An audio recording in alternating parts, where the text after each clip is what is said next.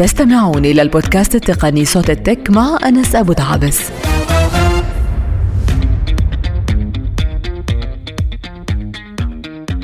كان يا مكان شركات التقنيات بتنتقي وتختار مين من المستثمرين عبالها تتعاقد معهم.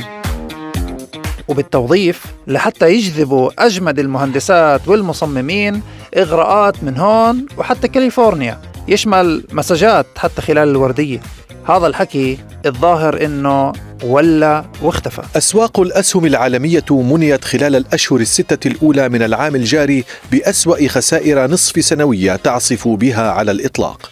فقد كشفت وكالة بلومبرغ أن الأسهم العالمية خسرت نحو 13 تريليون دولار من قيمتها السوقية خلال الأشهر الستة الأولى من العام الجاري. ما في أسبوع بمر علينا إلا والأخبار تشمل تغييرات كبيرة في الأسواق المالية. وبنسمع بالنشرات عن شركات كبرى وأخرى معروفة أقل تنخفض قيمتها السوقية أو تتغير بشكل حاد أسعار أسهمها. منا اللي بيعلي الصوت بهذه المرحلة والكثير إذا مش الأغلب بيقول وأنا مالي. مش تفسر أنت بتقول لي إيه؟ تعرف إيه عن المنطق؟ بهذا العدد من صوت التك. جايين نتفاهم مع البورصة والوضع الاقتصادي اللي بس عماله يتأزم أكثر وأكثر. نفهم ليش شركات الهايتك العديدة وقفت التوظيف أو حتى بدأت بالإقالات بالجملة. كيف إحنا كأفراد بنتأثر من هذه الأزمة العالمية والمحلية غير حتى ارتفاع الأسعار اللي كلنا بنلاحظه بالدكان؟ وأيضا شو مصير الاستثمارات الكبيرة اللي كانت للشركات الناشئة هل راح تكمل أو خلصت الحفلة؟ مش بحاجة لمعرفة مسبقة بالبورصة كله على البسيط المريح. جاهزين؟ لوج إن. انطلقنا. انطلقنا. المستمعات ومستمعين صوت التك أهلا وسهلا فيكم في كمان حلقة وكمان عدد نستضيف من خلاله أحد المختصين اللي ممكن يحكي لنا أكثر عن عالم الحداثة، تكنولوجيا، التسويق والديجيتال. وهذه المرة موضوعنا مغاير جدا ولاول مرة رح نفوت على العالم الاقتصادي ومن أوسع أبوابه. بينضم الي في الاستوديو الأستاذ والخبير الاقتصادي محمد هيبي أهلا وسهلا. شكرا جزيل الشكر على الاستضافة أستاذ أنس. طبعا محمد هيبي شريك في شركة Deloitte في البلاد قسم الرقابة والتدقيق للشركة العالمية مدقق حسابات مدير مكتب Deloitte في الناصرة. يعني كمان حائز على اختيار 40 under 40 من Globes. أكيد لا يقل أهمية زوج لسنابل وأب لبشار ونور معك وقت تشوفهم بكل الفوضى اللي بتصير اليوم. كمان مرة أستاذ أنس جزيل الشكر على استضافتكم في مكاتب راديو الناس. أنا أكثر من سعيد إني أشارك معكم أكيد تحكي واقعي جدا في مستلزمات الوظيفة والعمل. لابد من برضو إنه الموازنة بين العائلة والحياة المهنيه إنه حاول بقدر المستطاع أرجو أن يكون هناك رضاء من, من ممن يجب أن يرضى علينا. الصراحة يعني مش سهلة يعني وصولك معنا اليوم فترة كثير صعبة بتمر في, في العالم الاقتصادي بشكل عام. وصراحة كل ما نسمع عن وجود أو الحديث في, في الأخبار عن عالم البورصة الواحد لازم إنه يعرف الأمور. فيعني هات نبدأ من من الأساس. الأسابيع الأخيرة بنسمع أحداث اللي بتكون من خيار لانهيار لشركات تقنيات خاصة نطمن نخاف إحنا بداية أزمة عالمية زي اللي كان بال 2008 ولا الأمور مش هناك بعدها؟ في الحقيقة سؤالك سؤال في ظاهره بسيط الا إنه سؤال مركب جدا ويجب محاولة الإجابة عليه بشكل عميق. سأحاول ذلك بعد إذنك أن أجاوب على أسئلتك بشكل تراجعي هل نحن في وضع مماثل لما كان عليه الوضع في 2008 سؤال جدي. في 2008 بالأساس كانت الأزمة أزمة أسواق أموال كانت في أساسها أزمة سيولة حادة. تم التعامل معها من خلال السياسات الاقتصادية في تبني سياسات التي اعتمدت خفض فوائد البنوك المركزية وضخ أكبر كم من الأموال لتنشيط الأسواق. في حين في الوضع الحالي نحن نتحدث عن وضع الذي ابتدأ من حالة فائض سيولي. أدت إلى تضخم مالي وبالتالي السياسات الاقتصادية المعتمدة هي سياسات لرفع نسب أو فوائد نسب الفوائد للبنوك المركزية في محاولة للدخول في حالة تباطؤ اقتصادي تباطؤ وليس ركود يكون من شأنه منع استمرار هذا التضخم.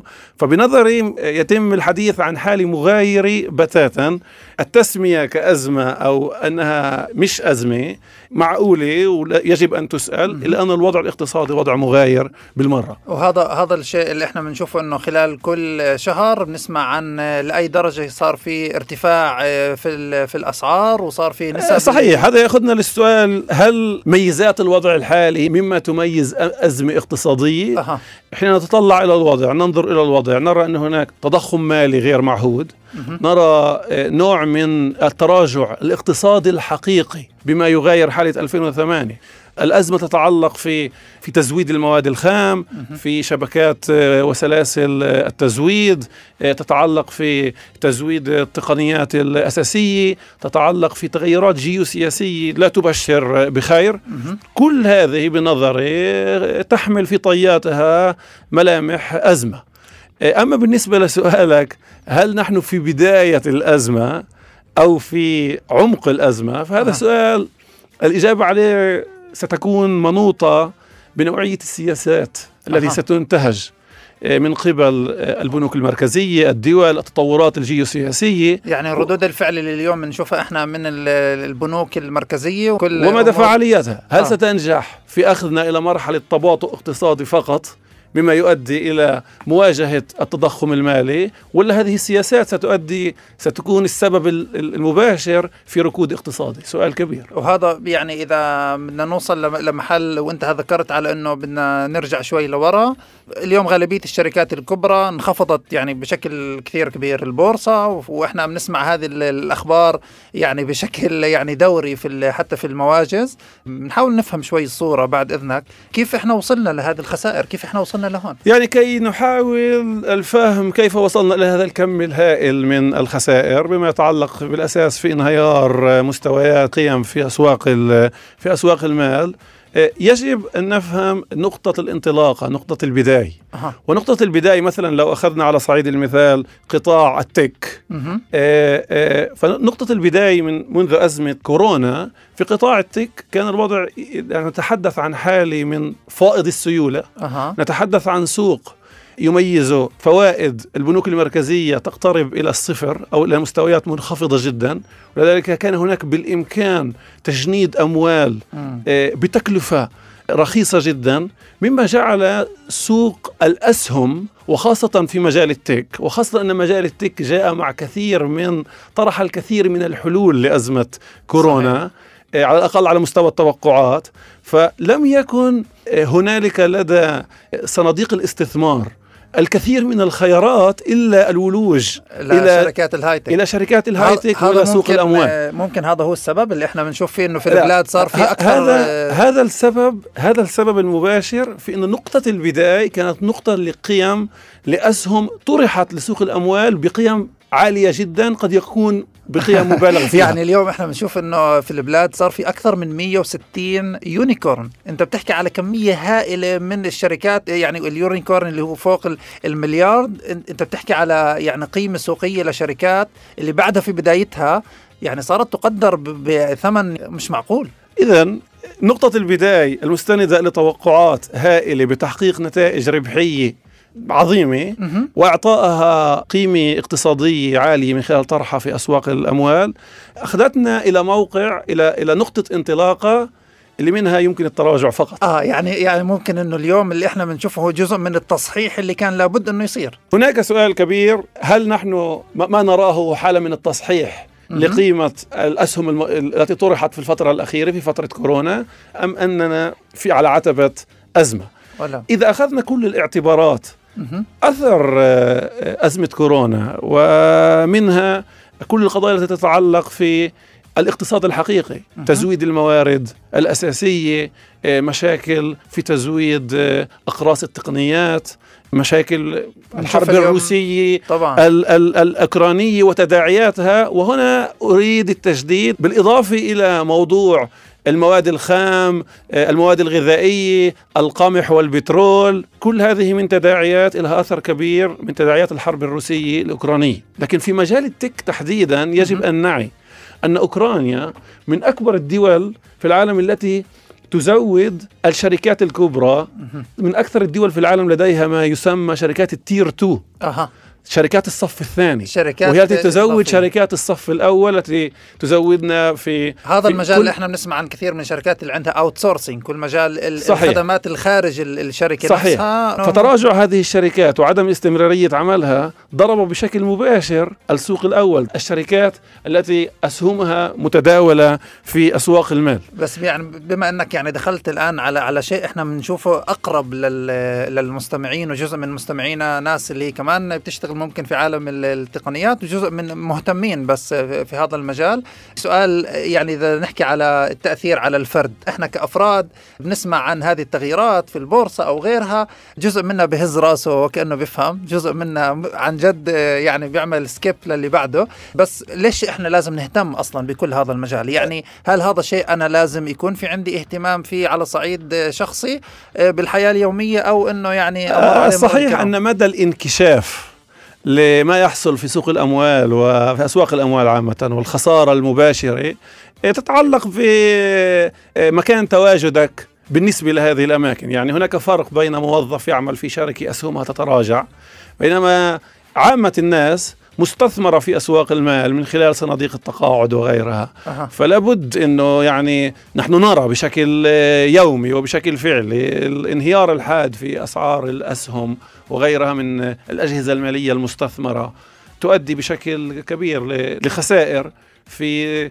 مدخراتنا لجيل التقاعد آه، كل- كل أن اللي إحنا هذا يجب أن يعني كل فرد وفرد ويجب يعني يعني حتى الأمور. لو أنه أنا على صعيد شخصي ممكن أنا غير مهتم بهذه الشركات اللي أنا بسمع عنها بتطلع بتنزل آه، لكن فعليا مجرد وجود آه، أنه في عندي صندوق استثمار كجزء من العمل أو ما إلى ذلك هذا يعني تلقائيا ممكن يأثر على هذه ال- الاموال صحيح. اللي موجودة هذا مدخرات. آه، صناديق التقاعد وغيرها من صناديق الاستثمار مستثمرة في أسواق المال في البلاد وخارج البلاد في السوق الأمريكي في سوق في قطاع الهايتك بشكل كبير جدا. رأينا العديد من صناديق التقاعد التي أخذت نوع من المخاطرة بالدخول أها. بشكل موسع لقطاع التكنولوجيا في الشركات الأمريكية. في فترة معينة هذا كان مربح بشكل كبير جدا في فترة الكورونا وعلى أثر الطروحات في أسواق المال. لكن في الفترة الأخيرة هذه التراجعات في أسعار الأسهم تنعكس بشكل مباشر على مدخراتنا وهي خسائر مباشرة لكل واحد طبعا هذا يعني غير طبعا زي ما أنت ذكرت موضوع إنه إحنا بشكل عام مهم إنه إحنا نعرف عن هذه ال- الأمور ويعني ممكن فرصة يعني إحنا بعد شوي رح نرجع ونحكي على على كل موضوع الاستثمارات والتأثير عليها مع إنه إحنا بحلقتنا بنحكي بشكل واضح إحنا ما بنقدم ولا أي استشارة أو ولا أي نصيحة آه، لا لدخول أو الخروج من آه، من هذا المجال مجال الاستثمارات دائما ننصح إنه الناس تلجأ بشكل شخصي لمختصين بهذا المجال. بس في تأثير ثاني واسمح لي إنه أنا أحكي لك على الأشياء اللي بتدور عندي بالواتساب. أمهات أو آه، يعني أصدقاء اللي بيبعثوا شو المستقبل بعالم الهايتك. حكيتوا لنا قبل إنه ادخلوا على عالم الهايتك وفوتوا على هذا المجال. واليوم نسمع عن إقالات بالجملة نسمع عن شركات اللي كانت توظف في السنة بالألوفات هذه ال- الآن صارت تخرج ناس آه، يعني ما بعرف إذا اليوم بيطلعوا بصندوق ولا أصلا الشغل من البيت يعني بي- بيأخذوا الأغراض آه، بس للغرفة نفسها. هل يعني الحفلة انتهت ولا إحنا يعني أزمة اللي هي آنية وشركات الهايتك راح تتعداها لا شك إنه الوضع الحالي في أسواق المال بشكل عام وفي سوق في قطاع الهايتك بشكل آه، خاص لها من الأثر المباشر على سوق العمل أها. وعلى قضية مستويات آه، التجنيد. في الحقيقة في الفترة الأخيرة لاحظنا آه، شيء من الثنائية في قطاع الهايتك بما يتعلق في تجنيد الموظفين أو فيما يتعلق في سوق العمل في قطاع الهايتك. فمثلا يعني يجب التمييز بين الشركات الكبرى الشركات الأضخم وبين شركات آه، أصغر متواجدة في سوق في, في قطاع الهايتك. في البلاد هناك المئات الشركات التي تعنى في مجال التطوير والأبحاث مراكز تطوير وأبحاث. فأنا أعتقد في كبرى الشركات قد يكون هناك نوعا من التباطؤ أو آه، التراجع في مستويات التجنيد. آه، حتى هذه الفترة يعني مش عم بشوف إنه في مش آه، هذا الأثر إقالات الكبير. إقالات جماعية بالمقابل الخطورة قائمة في الشركات الأصغر بشكل أكبر يعني في حين تدخل الشركات الأم وهي شركات أمريكية. متواجدة في السيليكون فالي أو في أي ولاية أخرى في, في الولايات المتحدة حين تدخل في سيرورة أزمة أو في سيرورة ترشيد مصروفاتها أو في سيرورة الدخول إلى دراسات كجزء من نجاعة. الوقاية يعني ب- ب- بالفترة الحالية نعم نعم أنا أها. أعتقد أنه من باب بعيد عن العين أها بعيد عن القلب فممكن يتم التنازل عن مراكز الأبحاث في البلاد للشركات الصغرى بشكل قد أسميه أسهل أها. وهنا قد نرى آه، إقالات جماعية بشكل أكبر. أتوقع أن يكون جزء من الحل قد يكون أنه كبرى الشركات قد تستوعب جزء من هذا من هؤلاء المقالين أها. بالنسبة لسؤالك هل الحفلة انتهت؟ أنا أعود إلى نقطة البداية فالأمور آه. مترابطة. يعني ما كنا عليه في أزمة كورونا وفي قطاع الهايتك أنا أقول أ- أزمة بين قوسين. أها. في فترة كورونا لقطاع الهايتك كانت فرصة صح. أكثر منها كان ازدهار. أزمة. صحيح. فالقدرة على تجنيد أموال بهكذا سهولة جعل الشركات تضع التشديد على تجنيد قدرات من الموارد البشرية من خلال إعطائها أفضل أماكن عمل وأفضل ظروف وأفضل إمكانات. والآن الشركات ستعيد النظر من جديد بحيث أنه ممكن يكون التطلع على مجموعات الموظفين. أن الموظف الذي يعني أقل يعني له أقل مساهمة نحافظ رح نحافظ على القوي أكثر وبينما ال- الأقل يمكن يعني سيكون المنظور من له أكثر مساهمة وأقل تكلفة طيب حين أني ذكرت قضية الثنائية أها وإذا نظرنا في لمحة سريعة لما يحصل على سبيل المثال في المجال المالي في مجال المحاسبة شركة Deloitte أها. شركتنا أها في. في اليومين الأخرين خرجنا في مسار لرفع أجور المتخصصين الصراحة من جديد. الصراحة شوف أنا شفت الإشي عندك على LinkedIn.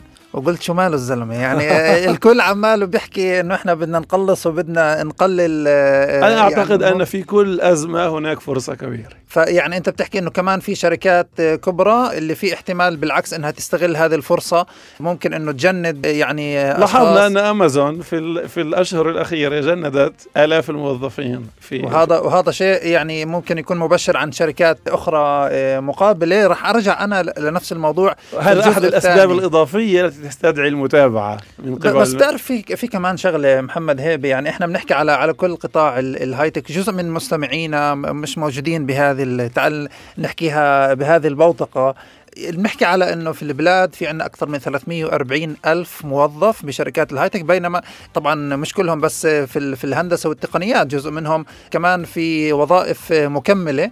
هل في احتمال إنه كل الموجة اللي إحنا بنشوفها تأثر من خلال ال 340 ألف هذول على كمان قطاعات ثانية تجارية عامة اللي هي مش بالهايتك؟ يعني أنا أعتقد أن قطاع الهايتك في البلاد ما يسمى القاطرة الأساسية للاقتصاد الإسرائيلي. أها. ولذلك أي تراجع في قطاع الهايتك سيكون له من الأثر الكثير على الاقتصاد العام في البلاد. هذا شيء مفروغ منه. السؤال الذي يطرح مدى مرونة قطاع الهايتك في البلاد وإمكانيته بأن يعطي أجوبة للأزمة؟ بمعنى لو رجعنا إلى فترة كورونا رأينا أنه قطاع الهايتك نجح في ترجمتها ل- لفرصة. صحيح. فالسؤال يعني يتعلق بكيفية تعامل قطاع الهايتك والشركات العديدة. أي أجوبة ستعط لهذه الأزمة؟ أي إمكانية سيكون لديها من أجل تغيير سياسات ومن أجل المحافظة على ربحيتها؟ مهم. وطبعا الحفاظ على مواردها البشرية بالأساس. كل هذا سيكون له مدى النجاح أو مدى الفشل سيكون له الأثر على على الاقتصاد على الاقتصاد الإسرائيلي بشكل عام. وهذا أنا بفكر إنه جزء من جزء مهم من ليش إحنا بنحكي عن هذا الموضوع في صوت التك وال- والحديث راح يكمل ونتطرق لبعض ال- القضايا الاقتصادية الأخرى لكن قبل ما نكمل فيها وقبل ما نحكي على موضوع كمان الستارت أب الأشياء الصغيرة أكثر فراح نطلع لفاصل إعلاني قصير ومن بعدها بنرجع لكم مع ضيفنا في الاستوديو الخبير الاقتصادي محمد هيبي شريك في شركة Deloitte في البلاد. تستمعون إلى البودكاست التقني صوت ال Tech مع أنس أبو دعابس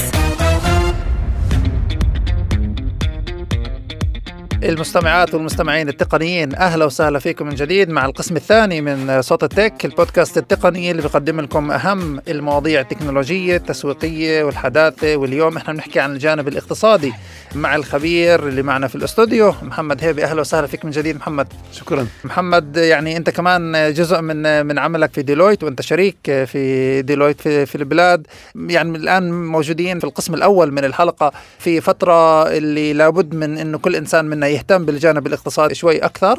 راح نرجع للجانب العام أكثر وال macro ونحكي عن إنه يعني هذه الفترة يعني من تقريبا أكثر من سنتين مع كل أزمة الكورونا لغالبية الناس غير الناس اللي استغلتها كفرصة.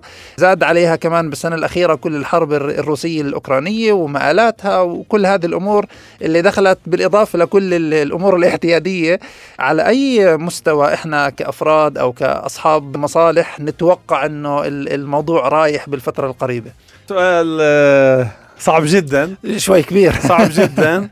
فعلا من الصعب التوقع بشكل عيني على المستوى العام لوين نحن الاقتصاد العالمي رايح. أعتقد إنه الإجابة على هذا السؤال يجب أن تكون على مستوى القطاعات. رأينا على سبيل المثال في فترة كورونا في قطاعات معينة وهذا كان من أهم الأشياء اللي ميزت أزمة كورونا. إنها في لقطاعات معينة كانت أزمة اقتصادية صعبة جدا ولقطاعات أخرى كانت فرصة. في مجال التك كانت فرصة من أقوى الفرص وإستنفذت بشكل كبير وتم تجنيد اموال بشكل هائل. هذه الأموال ستستثمر في السنين القادمة في خبرات جديدة وفي إنتاج تكنولوجيا جديدة. في حين في قطاعات أخرى كانت أزمة اقتصادية على صحيح. صعيد الاقتصاد الحقيقي على مستوى ركود. قضية إلى أين لوين إحنا رايحين؟ عندما يعني ننظر إلى نتائج أزمة كورونا أه. وفيما يليها نتائج الحرب الروسية الأوكرانية فأعتقد أن التحليل يجب أن يكون على صعيد القطاعات على سبيل أه. المثال على سبيل المثال يعني في اختلافات ممكن تكون اختلافات كبيرة أه. على سبيل المثال إذا أخذنا قطاع الموارد الطبيعية قطاع الغاز والنفط وما إلى ذلك في أزمة كورونا وصلنا إلى أسعار نفط آه، صحيح. سلبية أو ما ما يضاهي السعر المجاني في حين الحرب الروسية الأوكرانية أدت إلى أثر عكسي بشكل كبير. صحيح. واليوم شركات الموارد صحيح. فترة فترة الكورونا ما كان في يعني استهلاك صحيح. كبير للنفط. فوصل يعني لأرقام واضحة. إحنا يمكن على صعيد الأفراد أقل أقل الأمر وصل لجيبتنا.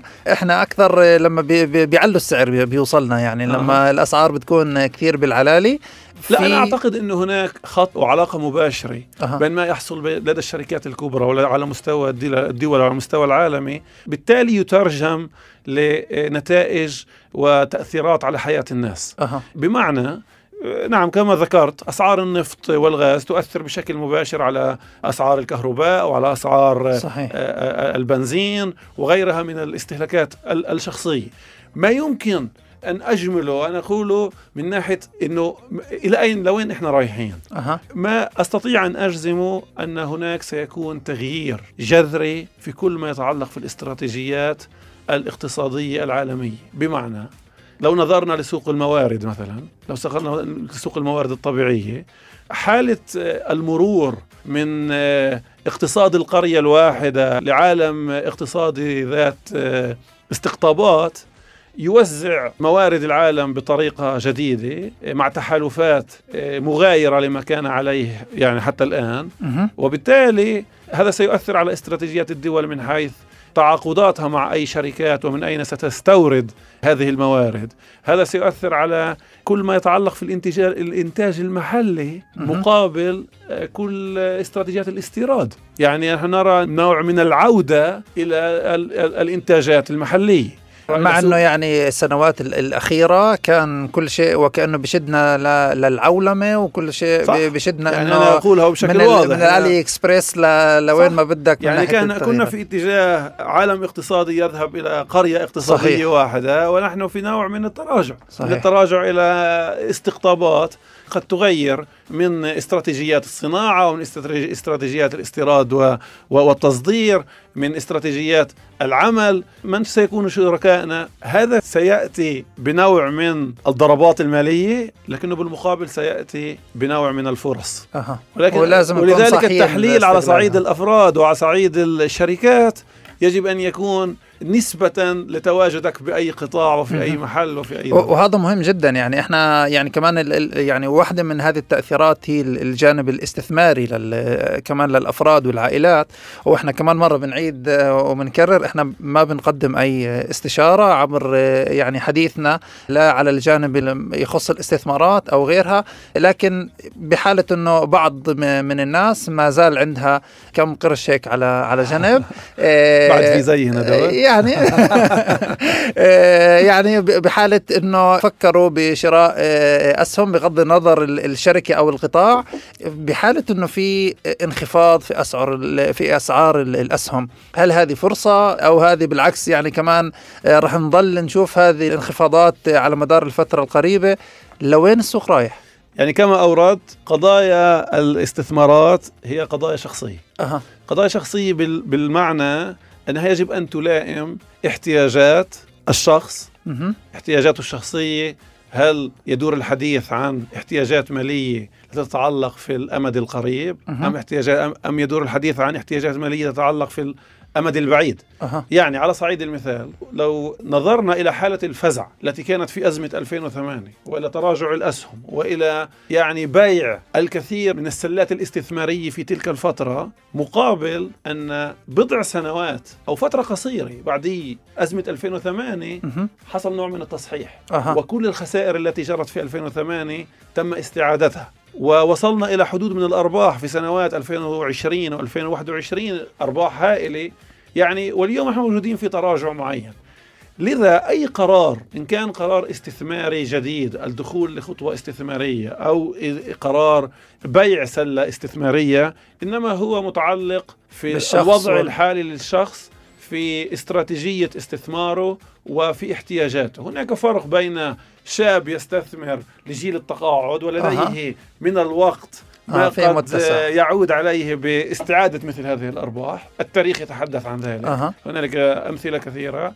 في حين نتحدث عن آه، صندوق تقاعد أو صندوق استكمال لشخص على عتبة التقاعد صحيح. ويجب أن يحل الأمور بطريقة مختلفة مهم جدا هذا الفرق. بين بين الأفراد بس هل صحيح المقولة العامة بأنه السوق دائما يعني في تطور والسوق دائما كل نزلة في وراها طلع أكبر منها ولا الأمر آه، مش يعني بالضرورة التحليلات الاقتصادية الأكاديمية تقول أنه على صعيد التاريخ ومنذ بدأت أسواق المال لو آه، حسبنا العائد الاستثماري من استثمار مبلغ معين في سوق المال الأمريكي على 100 سنة الأخيرة.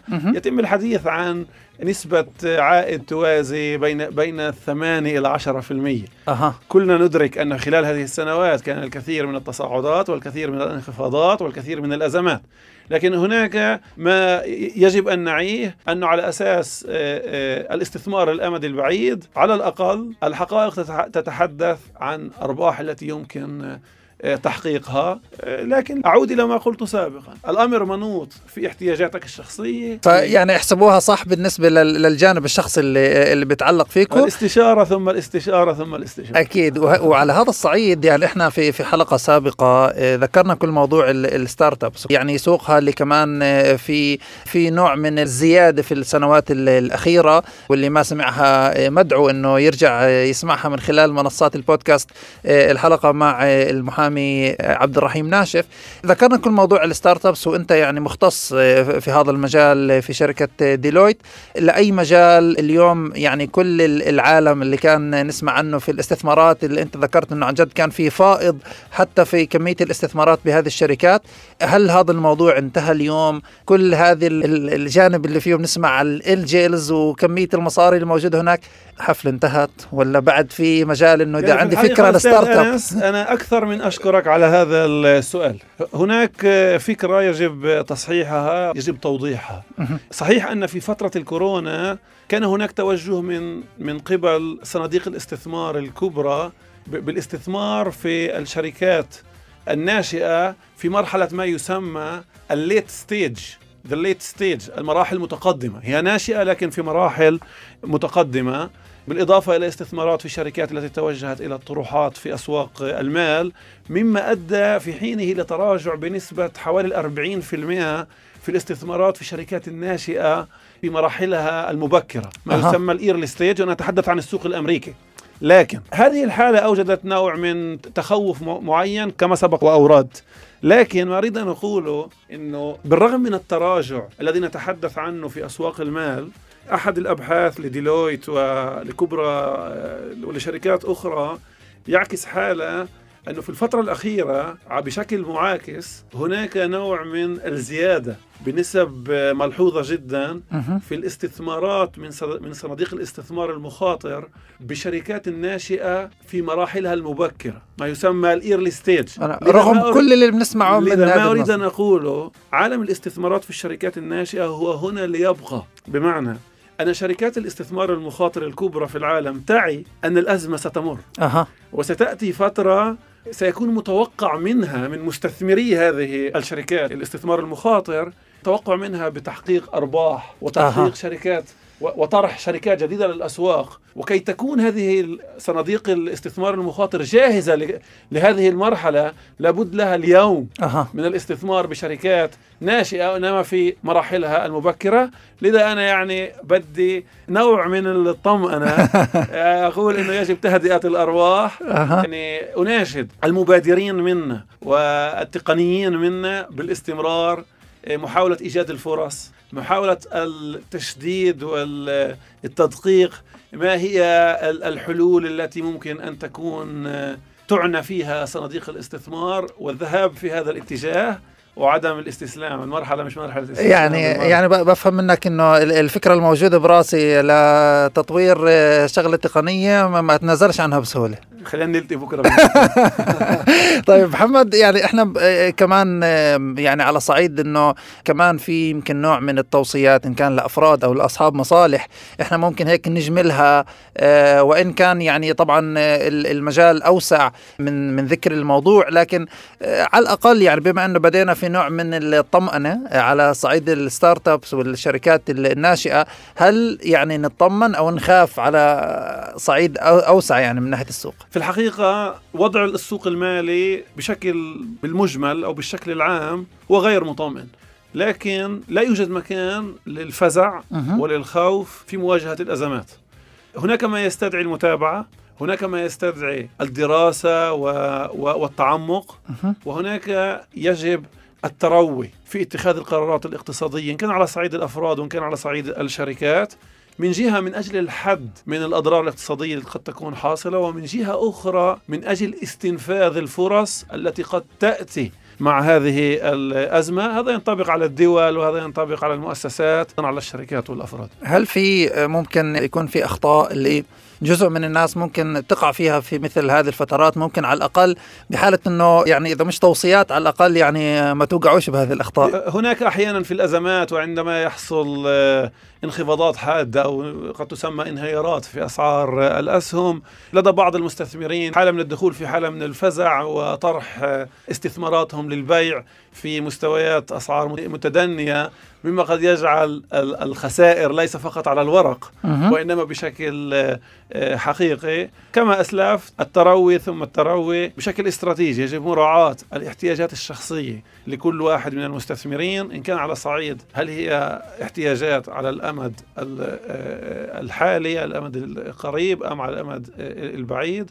والتصرف واتخاذ القرارات الاقتصادية بشكل مدروس. آه سؤال أخير من, خلال الوضع حالة انه أنا في بالي أفوت على المدير بكرة وأطلب منه إنه يرفع لي المعاش، آه الفترة مناسبة ولا نستنى؟ كما أسلفت في ديلويت يعني إحنا لم ننتظر حتى يدخل الموظفين إلينا ويطالبوا في مثل هذه العلاوات في المعاش إنما قد اتخذنا قرار ثاني وبشكل يعني متصدر للسوق. أعتقد أنه هناك حالة في الفترة السابقة إن تحدثنا عن قطاع التك هناك حالة من يعني صبرا جميل والله المستعان هذا اللي أنا بسمعه من بين السطور. أعتقد أن الفترة الأخيرة كان فيها الكثير من العلاوات فرص يجب أن أن تحسب الأمور بالشكل الصح. جميل جدا. الخبير الاقتصادي محمد هيبي كنت ضيف مفعم بحيوية وأيضا يعني نوع من الطمأنة لربما للمستمعين حابب أشكرك على على وقتك في كل هذا الظرف الزمني الصعب اللي بتمر فيه كل الشركات الكبرى وخاصة كمان كشريك في ديلويت في البلاد. قسم الرقابة والتدقيق للشركة العالمية. شكرا كثير على وقتك ويعني بنتأمل أنه يطلع من عندك بس فرص اقتصادية أكبر وبدون إقالات لأي حدا. جزيل الشكر. نحن في مرحلة من التوسع إن شاء الله. لا أعتقد أن سيكون لدينا إقالات. جزيل الشكر على الاستضافة. شكرا جزيلا. مستمعينا آمل كمان أنه استفدتم واستمتعتم معنا في هذا العدد الخاص من صوت التك. نلتقيكم الأسبوع القادم مع ضيف جديد ومواضيع أخرى من عالم التكنولوجيا التسويق والحداثة. وما تنسوا متابعتنا أيضا على لينكدين وجميع الشبكات اللي إحنا موجودين فيها في صوت التك. إلى أن نلقاكم في الأسبوع القادم. أنتم بخير.